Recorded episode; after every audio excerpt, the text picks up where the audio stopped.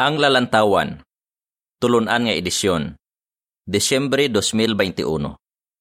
Tulunan nga artikulo 48. Ini nga artikulo pagatunan sa simana sang Enero 31 hasta Pebrero 6. Dapat mangin balaan kamo. Teksto nga ginbasihan sini nga artikulo. Mangin balaan kamo sa tanan ninyo nga paggawi. Unang Pedro 1.15 Ang bahanon 34 mag-alagad nga may integridad. Ang binagbinagon sa sini nga artikulo. Palangga gid naton si Jehovah. Kagusto naton nga malipay siya sa aton. Balaan si Jehovah. Gani gusto niya nga mangin balaan man ang mga nagasimba sa iya. Posible gid bala nga mangin balaan ang hindi perpekto nga mga tawo? Huo. Binagbinago naton ang ginlaygay ni Apostol Pedro sa iya mga kauturan kagagin sugo ni Jehovah sa pungsod sang Israel sang una. Buligan kita sini kung paano manginbalaan sa tanan naton nga paggawi. Para po uno, pamangkot. Ano ang ginlaygay ni Apostol Pedro sa mga Kristiyano? Kag nga adaw imposible ini himuon? Sa langit man o kung sa duta ang aton paglaom nga magkabuhi sing wala sing katapusan, makabinipisyo kita sa pagbinagbinag sang laygay ni Apostol Pedro para sa hinaplas ka mga Kristiyano. Nagsulat siya. Manginbalaan kamo sa tanan ninyo nga pagawi, subong sang isa nga balaan nga nagtawag sa inyo. Kay nasulat na. Dapat manginbalaan kamo, tungod balaan ako. Unang Pedro 1.15 kag 16. Ginapakita sini nga mailog naton si Jehovah nga amo ang pinakamaayo nga halimbawa sang pagkabalaan. Pwede kita manginbalaan sa aton paggawi kag dapat gid naton ini himuon. Daw imposible ini kay hindi kita perpekto. Bisan si Pedro nakahimo man sa mga sala. Pero ginapakita sang iya halimbawa nga pwede kita manginbalaan. Para po dos, pamangkot. Ano nga mga pamangkot ang binagbinago naton sa sining artikulo? Sa sining artikulo, binagbinago naton ini nga mga pamangkot. Ano ang pagkabalaan? Ano ang ginatudlo sa aton sang Biblia parte sa pagkabalaan ni Jehovah? Paano kita manginbalaan sa aton pagawi? Kag daw ano ka importante ang pagkabalaan sa aton kaangtanan kay Jehovah? Ano ang pagkabalaan? Para po tres, pamangkot. Ano ang ginahuna-huna sa madamo kung ginasambit ang parte sa balaan nga tawo? Pero diin naton makita ang husto nga impormasyon parte sa sini. Ano ang ginahuna-huna sang madamo kung ginasambit ang parte sa balaan nga tawo? Gina-imagine nila ang tawo nga wala gid nagakadlaw, primilang seryoso ang hitsura, kag nagasuksok sang bayo sang relihiyoso nga mga tawo. Pero hindi ini husto. Kay man, balaan si Jehovah kag ginalaragway siya nga malipayon nga Dios. Unang Timoteo 1.11 Malipayon man ang mga nagasimba sa iya, Salmo 144:15. Ginpakamalaot ni Hesus ang nagasuksok sang pinasahi nga mga bayo kag nagahimo sang maayo para magpakita-kita sa mga tawo. Bilang matuod nga mga Kristiyano, kabalo kita kung ano gid ang buot silingon sang manginbalaan kay ginabasi naton ini sa ginasiling sang Biblia. Kabalo kita nga palangga kita sang aton balaan nga Dios kag indi gid siya magsugo sang indi naton mahimo. Gani sigurado kita nga masarangan naton himuon ang ginasugo niya sa aton. Dapat manginbalaan kamo. Pero para manginbalaan kita sa aton paggawi, dapat anay naton mahangpan kung ano ang pagkabalaan. Para po 4, pamangkot. Ano ang buot silingon sang balaan, kag pagkabalaan? Ano ang pagkabalaan? Sa Biblia, ang balaan kag pagkabalaan nagapatuhoy sa kaputli o kon katinlo sa moral kag espiritual o kon sa pagkasagrado. Mahimo man ini magpatuhoy sa mga ginpain para gamiton sa pag-alagad sa Dios. Buot silingon, manginbalaan kita kung ginasunod naton ang mga kasuguan parte sa husto kag sala. Kung simbahon naton si Jehova sa husto nga paagi, kag kung may suod kita nga kaangtanan sa iya. Makalilipay gid mabalaan nga bisan pa balaan si Jehovah, gusto niya gihapon nga manginsuod kita sa iya bisan pa indi kita perpekto. Balaan, balaan, balaan si Jehova. Para po singko, pamangkot. Ano ang matunan naton parte kay Jehova sa ginsiling sang matutom nga mga anghel? Putli kag matinlo si Jehova. May ginsiling parte sa sini ang mga serafin ukod ang mga anghel nga malapit sa trono ni Jehova. Ang pila sa ila nagsiling, Balaan, balaan, balaan si Jehova sang mga kasoldadusan. Isayas 6.3 May suod nga kaangtanan ini nga mga anghel sa ilabalaan nga Dios bangod balaan man sila. Pwede gani mangin balaan ang lugar sa duta nga ginkadtuan sang anghel para magdala sang mensahe. Amo ini ang natabo sa lugar nga may nagadabdab nga tunukon nga kahoy-kahoy nga nakita ni Moises. Para po 6 kag 7, pamangkot sa A. Suno sa Exodo 15.1 kag 11, Paano gin patalopangod ni Moises ang pagkabalaan sang Dios? Pamangkot sa B. Ano ang nagapahanumdum sa mga Israelinhon parte sa pagkabalaan sang Dios? Pagkatapos pangunahan ni Moises ang mga Israelinhon sa pagtabok sa pula nga dagat, ginpatalopangod niya sa ila nga balaan ang ila Dios nga si Jehova. Ang Exodo 15.1 nagasiling. Sadto nga tion, si Moises kag mga Israelinhon nagamba sini nga ambahanon kay Jehova. Magaamba ako kay Jehova bangod sang iya mahimayaon nga kadalagan. Gintagbong niya sa dagat ang kabayo kag ang nagasakay sa sini. Ang bersikulo 11 nagasiling, Sino nga Dios ang kaangay sa imo, o Jehova? Sino ang kaangay sa imo nga labing balaan? Ang isa nga dapat kahadlukan kag dayawon paagi sa mga ambahanon, ang isa nga nagahimo sing makatilingala nga mga butang. Indi gid balaan ang pagawi sa mga nagasimba sa mga Dios ang Ehipto. Kag indi man balaan ang mga nagasimba sa mga Dios ang Kanaan. Nalakip sa ila pagsimba ang paghalad sa mga bata kag ang makahuluya nga immoral nga mga buhat. Pero lain si Jehova sa sining indi matuod nga mga Dios. Indi gid niya pagsuguod ang mga nagasimba sa iya nga maghimo sing malain. Balaan gid siya. Mathag ini nga makita sa pidaso sang bulawan sa turbante sang mataas nga saserdote. Natigib sa sini ang mga tinaga nga si Jehova Balaan. Exodo 28:36 hasta 38. Mangin maathag sa mga makakita sa nasulat sa pidaso nga balaan gid si Jehova. Pero ano abi kung hindi makapalapit ang isa ka Israelinhon sa mataas nga saserdote kag hindi niya makita ang nasulat sa pidaso? Mabalaan bala niya gihapon nga balaan si Jehova? Huo. Mabalaan niya gihapon ini kay nalakip ini sa kasuguan nga ginabasa sa tanan nga lalaki, babayi kag kabataan. Kon ato ka didto, ari ang pila sa mabatian mo. Ako si Jehova nga inyo Dios, kag dapat kamu mangin balaan, bangod balaan ako. Dapat kamu mangin balaan sa akon, bangod ako si Jehova balaan. Levitico 11, 44 kag 45. Kag Kapitulo 20, 7 kag 26. Ang kapsyon sang picture sa cover nagasiling. Ang ekspresyon nga si Jehova balaan makita sa mahini nga pidaso nga bulawan sa turbante sang mataas nga saserdote. Para po utso, pamangkot. Ano ang matun-an naton sa ginasiling sang Levitico 19.2 kag unang Pedro 1.14 hasta 16? Binagbinago naton ang ginasiling sang Levitico 19.2. Nagsiling si Jehova nga dapat inibasahon sa tanan nga Israelinhon. Ginsilingan ni Jehova si Moises. Amo ini ang isiling mo sa bugos nga katilingban sang mga Israelinhon. Dapat mangin balaan kamo, tungod ako si Jehova nga ini Dios, balaan. Mahimo nga amo ini agin kutlo ni Pedro sa ginpaligon niya ang mga Kristiyano nga manginbalaan. Ang unang Pedro 1:14 hasta 16 nagasiling. Subong matinumanon nga mga anak, untatin na ninyo ang pagpadihon sa mga kailigbon nga yara anay sa inyo sang wala pa kamo sing nahibaluan.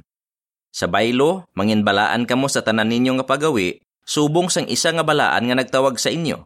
Kay nasulat na, dapat manginbalaan kamo tungod balaan ako. Subong, wala na ginapatuman sa aton ang mosaikong kasuguan.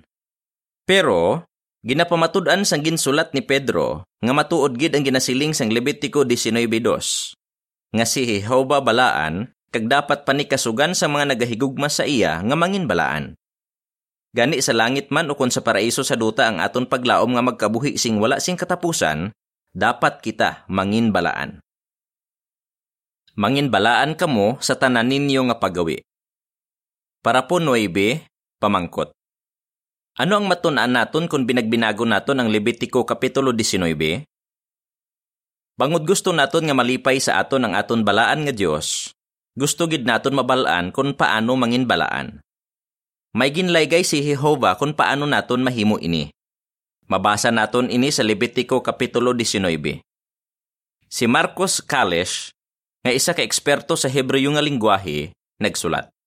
Posible nga amo ini ang pinakaimportante nga kapitulo sa Levitico kag sa una nga lima ka libro sa Biblia. Binagbinago naton ang pila ka bersikulo sa sini nga kapitulo. Matun-an naton sa sini kung paano kita mangin balaan sa aton pagkabuhi kada adlaw. Samtang ginabinagbinag naton ini, tandaan naton nga ginsambit sa umpisa sini nga kapitulo nga dapat mangin balaan kamo. Para po 10 kag 11, pamangkot. Ano ang ginasiling sang Levitico 19.3 nga dapat naton himuon kag nga a importante ini? Pagkatapos ang ginsiling ni Jehova sa mga Israelinhon nga dapat manginbalaan sila, nagsiling siya. Tahuro ninyo ang inyo iloy kag ang inyo amay. Ako si Jehova nga inyo Dios. Levitico 19:2 kag 3. Gani importante gid nga tumano nato ang sugo sang Dios nga padunggan nato ang aton mga ginikanan. Dumduma ang ginsiling ni Jesus ang ginpamangkot siya sang isa ka tawo. Ano bala ang maayo nga dapat ko himuon agud matigayon ang kabuhi nga wala sing katapusan? Nalakip sa sabat ni Hesus nga dapat padunggan sang tawo ang iya amay kag iloy. Mateo 19, 16 hasta 19. Ginpakamalaot pagani ni Hesus ang mga Fariseyo kag mga eskreba, bangod nagapangita gid sila sang paagi para malikawan nila nga mapadunggan ang ila mga ginikanan. Gani ginhimo nila nga wala sing pulos ang pulong sang Dios. Mateo 15, 3 hasta 6. Nalakip sa pulong sang Diyos ang ikalima nga sugo sa napulo kasugo, pati na ang mabasa naton sa Levitico 19.3. Tandaan naton nga pagkatapos ang sugo nga dapat manginbalaan kamo, tungod ako si Jehova nga inyo Diyos balaan, mabasa naton dayon ang sugo sa Levitico 19.3, nga tahuro naton ang aton iloy kag amay. Para po 12, pamangkot. Base sa sugo sa Levitico 19.3, ano ang dapat naton ipamangkot sa aton kaugalingon? Parti sa sugo ni Jehova nga tahuron ang aton mga ginikanan, dapat naton pamangkuton ang aton kaugalingon. Ginapadunggan ko bala ang akon mga ginikanan? Kung sa banta mo kulang ang imo mga ginhimo sang una parti sa sini, dapat mo huna-hunaon kung paano mo ini pauswagon. Hindi mo na mabago ang nagligad pero pwede mo panikasugan subong nga himuon ang imo bugos nga masarangan para padunggan ang imo mga ginikanan. Basi pwede mo dugangan ang imo tion para sa ila o kung ang imo ginabulig para sa ila material nga kinahanglanon. Basi pwede mo man dugangan ang imo ginahimo para buligan sila nga manginsuod kay Jehova kag padayon nga mag-alagad sa iya o kung para paligunon sila kag paumpawan. Kung himuon mo ini, ginatuman mo ang sugo sa Levitico 19.3 ari ang paathag sa mga picture nga gingamit para sa parapodjes hasta 12. Nagpain sang tion ang isa ka anak nga lalaki para makaupod niya ang iya mga ginikanan. Ginbisitahan niya sila upod ang iya asawa kag bata, kag permi niya sila ginatawgan. Ang caption sini nga mga picture nagasiling. Base sa ginasiling sang Levitico 19.3 parte sa aton mga ginikanan, ano ang dapat binagbinagon sang kada isa sa aton? Para po 13, pamangkot sa A. Ano pa nga sugo ang ginsambit sa Levitico 19.3? Pamangkot sa B. Paano naton mailog ang halimbawa ni Jesus nga ginsambit sa Lucas 4:16 hasta 18? May ginatudlo pagid sa aton ang Levitico 19.3 parte sa kung paano manginbalaan. Ginsambit sa sini ang pagtuman sa kasuguan parte sa adlaw nga inugpahuway wala na ginapatuman subong sa mga Kristiyano ang kasuguan. Gani wala na naton ginatuman ang kasuguan parte sa adlaw nga inugpahuway. Pero Madamo kita sing matun-an kung paano ini gintuman sa mga Israelinhon kag kung paano sila nakabenepisyo sa sini. Kung adlaw nga inugpahuway, hindi sila dapat mag-ubra kag dapat sila magsimba sa Dios. Amo ini ang rason kung nga akada adlaw nga inugpahuway, nagakadto si Hesus sa sinaguga sa iya nga syudad kag nagabasa siya sang pulong sang Dios. Ang Lucas 4:16 hasta 18 nagasiling. Dayon nagkadto siya sa Nazareth sa iya nga syudad, kag suno sa iya kinabatasan sa adlaw ng inugpahuway, nagsulod siya sa sinaguga, kag nagtindog siya agud magbasa sang kasulatan. Gani ginhatag sa iya ang linukot kag ginsulat sang manalagna nga si Isayas. Ginbukad niya ini kag ginpangita ang bahin diin na sulat. Ang espiritu ni Jehova yara sa akon, kay ginhaplas niya ako sa pagpahayag sing maayong balita sa mga imol. Ginpadala niya ako sa pagbantala sing kahiluwayan sa mga bihag kag sa pagpasag-uli sing pananaw sa mga bulag, sa paghilway sa mga ginapigos. Ang sugo sang Dios nga tumanon ang iya kasuguan tuhoy sa adlaw ng inokpahuay, nga mabasa sa Levitico 19.3, dapat magpaligon sa aton nga ibanan ang aton tion nga ginagamit sa aton adlaw-adlaw nga mga hilikuton para mas mahatagan naton sang tion ang aton pagsimba sa Dios. Sa banta mo, may mahimo ka pa bala para madugangan ang imo tion sa pagsimba sa Dios? Kung regular mong hatagan sang tion ang pagsimba kay Jehova, magasuod ka pagid sa iya. Kung suod ka sa iya, makabulig ini sa imo nga mangin balaan. Pabakura ang imo kaang tanan kay Jehova. Para po 14, pamangkot. Ano nga importante nga kamatuoran ang sulit-sulit nga ginasambit sa Levitico Kapitulo 19? Sulit-sulit nga ginasambit sa Levitico Kapitulo 19 ang isa ka importante nga kamatuoran nga makabulig sa aton nga manginbalaan. Ang katapusan sang bersikulo 4 nagasiling, Ako si Jehova nga inyo Dios. Ini nga ekspresyon, ukon ang pareho sa sini, mabasa sing 16 ka beses sa sini nga kapitulo. Ginapahanumdum kita sini sang nahauna nga sugo. Ako si Jehova nga inyo Dios. Hindi kamo magsimba sa iban nga mga Dios luwas sa akon. Exodo 20, 2 kag 3. Kung gusto naton manginbalaan, dapat naton siguraduhon nga wala sing bisan sino o kung bisan ano nga mangin mas importante pa sang sa aton kaangtanan sa Dios. Kag bangod mga saksi kita ni Jehova, hindi gid naton paghimuon ang mga butang nga magaresulta sa pagpakahuya sa iya balaan nga ngalan. Para po 15, pamangkot. Base sa mga bersikulo sa Levitico Kapitulo 19 nga nagasambit parte sa paghalad, ano ang dapat naton himuon? Ginpakita sang mga Israelinhon nga ginakilala nila nga si Jehova ang ila Dios paagi sa pagtuman sang madamo niyang kasuguan.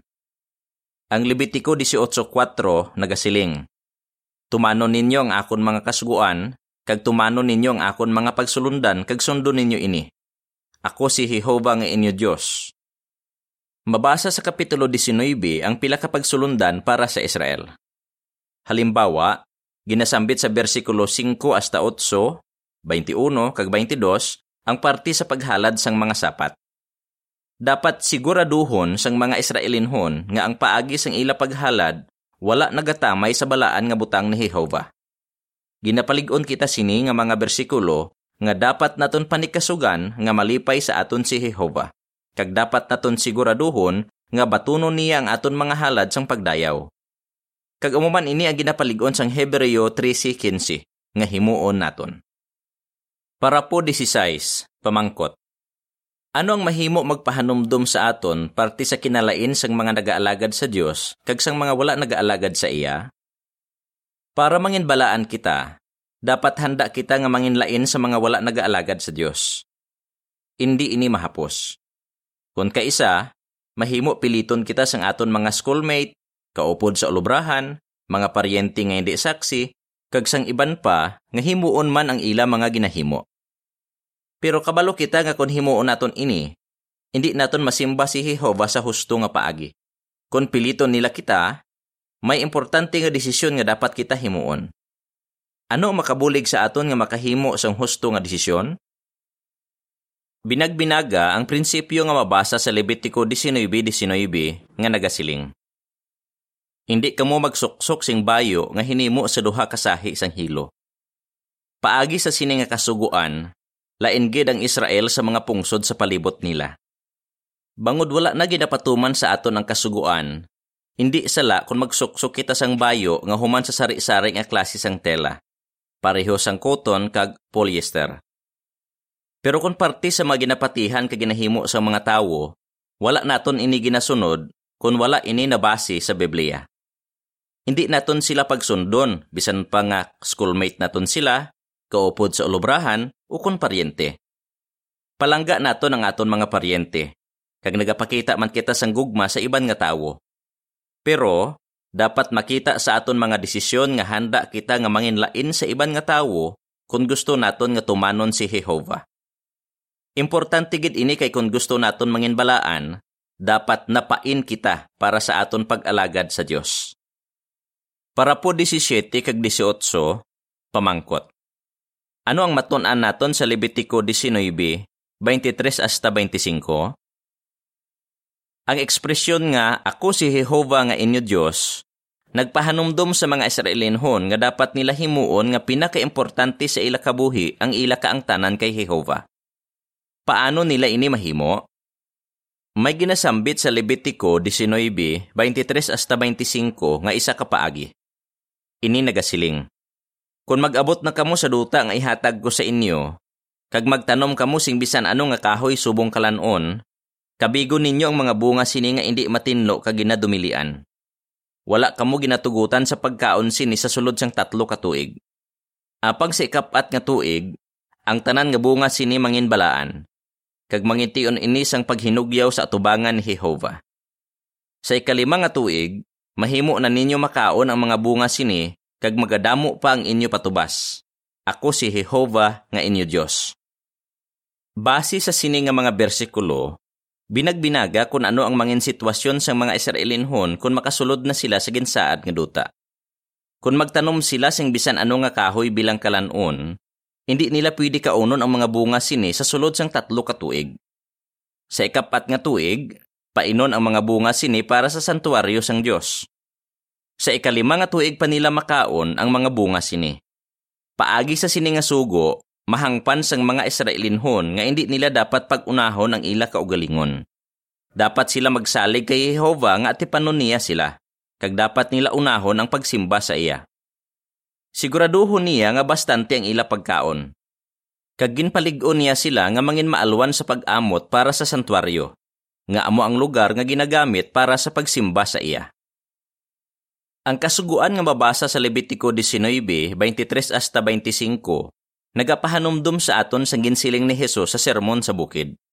Nagsiling siya, Untatin ninyo ang pagkabalaka, kung ano ang inyo kaunon o kung imnon.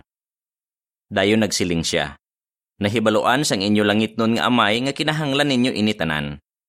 Hatagan kita sang Dios ang aton mga kinahanglanon pareho sa ginahimo niya sa mga pispis. Mateo 6, 25, 26, kag 32. Nagasalig kita nga ati panunggid kita ni Jehova, kag nagahatag kita sing dulot tungod sa kaluoy para sa mga nagakinahanglan. Pero wala naton ini ginapabalo sa iban. Nalipay man kita mag-amot para sa mga galastuhan sang kongregasyon. Makita ni Jehova ang aton kaaluan kag padyaan niya kita. Mateo 6, 2 hasta 4. Kung maaluwan kita, ginapakita naton nga nahangpan naton ang ginatudlo sa aton sang Levitico 19, 23 hasta 25. Ari ang pathag sa picture nga gingamit para sa parapo 17 kag 18. Ginatanaw sang isa ka Israelinhon nga mangunguma ang mga bunga sang kahoy nga iya gintanom. Ang kapsyon sini nga picture nagasiling. Ano ang ginatudlo sang Levitico 19, 23 hasta 25 sa katauhan sang Dios? Kag ano ang matunaan mo sa sini nga mga bersikulo? Para po 19, pamangkot. Paano ka nakabinipisyo sa pagbinagbinag sa pila ka bersikulo sang Levitico? Ginbinagbinag naton ang pilalang ka bersikulo sang Levitico kapitulo 19. Kaginbuligan kita sini nga mahangpan kung paano naton mailog ang aton balaan nga Dios. Kung ilugo naton siya, ginapakita naton nga gusto naton mangin balaan sa tanan naton nga pagawi. Unang Pedro 1.15 Madamo sa mga wala nagaalagad kay Jehova ang nakatalupangod sa maayo nga pagawi sang katauhan sang Dios. Bangod sini, ginhimaya pagani sang iban sa ila ang Dios. Pero madamo pa kita sing matun-an sa Levitico kapitulo 19. Binagbinagon sa masunod nga artikulo ang iban pa nga bersikulo sa sini nga kapitulo. Kagbuligan kita sini nga mabalaan kung ano pa ang pwede naton himuon para mahimo naton agin siling ni Pedro nga mangin balaan. Ano ang imo sabat? Ano ang pagkabalaan? Paano kita mabuligan sang Levitico Kapitulo 19 para manginbalaan kita sa aton pagawi? Ano ang mga dapat naton himuon para magbakod ang aton kangtanan kay Jehova? Ambahanon 80 Tilawi kag tanawa nga maayo si Jehova. Diri natapos ang artikulo.